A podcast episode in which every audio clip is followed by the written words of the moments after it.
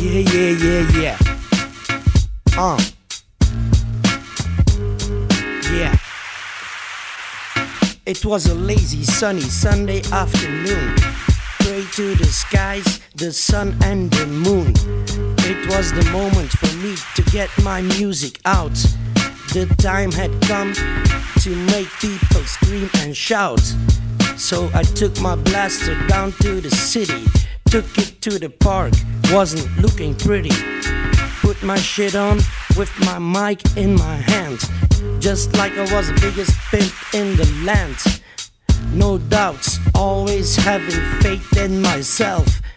I start rapping, giving that top of the shelf. A performance of the man in the place to be. I perform for skaters. Are they all haters? A lot of them fucking skaters look like alligators. They all looking with questions towards me. Fucking confused gators is what I see. And they all want me to shut the fuck up. I can't let it be. I take my chance, give it a shot, shout into the mic and do my dance. A few songs later, all those haters are going down on my beat. I bring the heat. I have come to defeat. Now everybody has the need to go crazy when I put my music on. Some say I make them think of times long gone.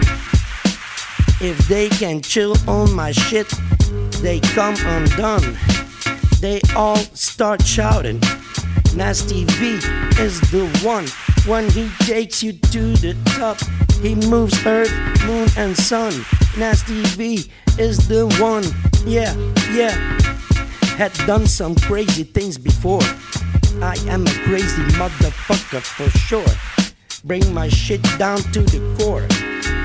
What happened then? I did not expect. A lot of them skaters started rapping too. The mic passed on. Other stories I hear. Stories of happiness, stories of fear. And they all cheer. Fucking unity is what I brought in here. What I got to say the least. It really was a feast.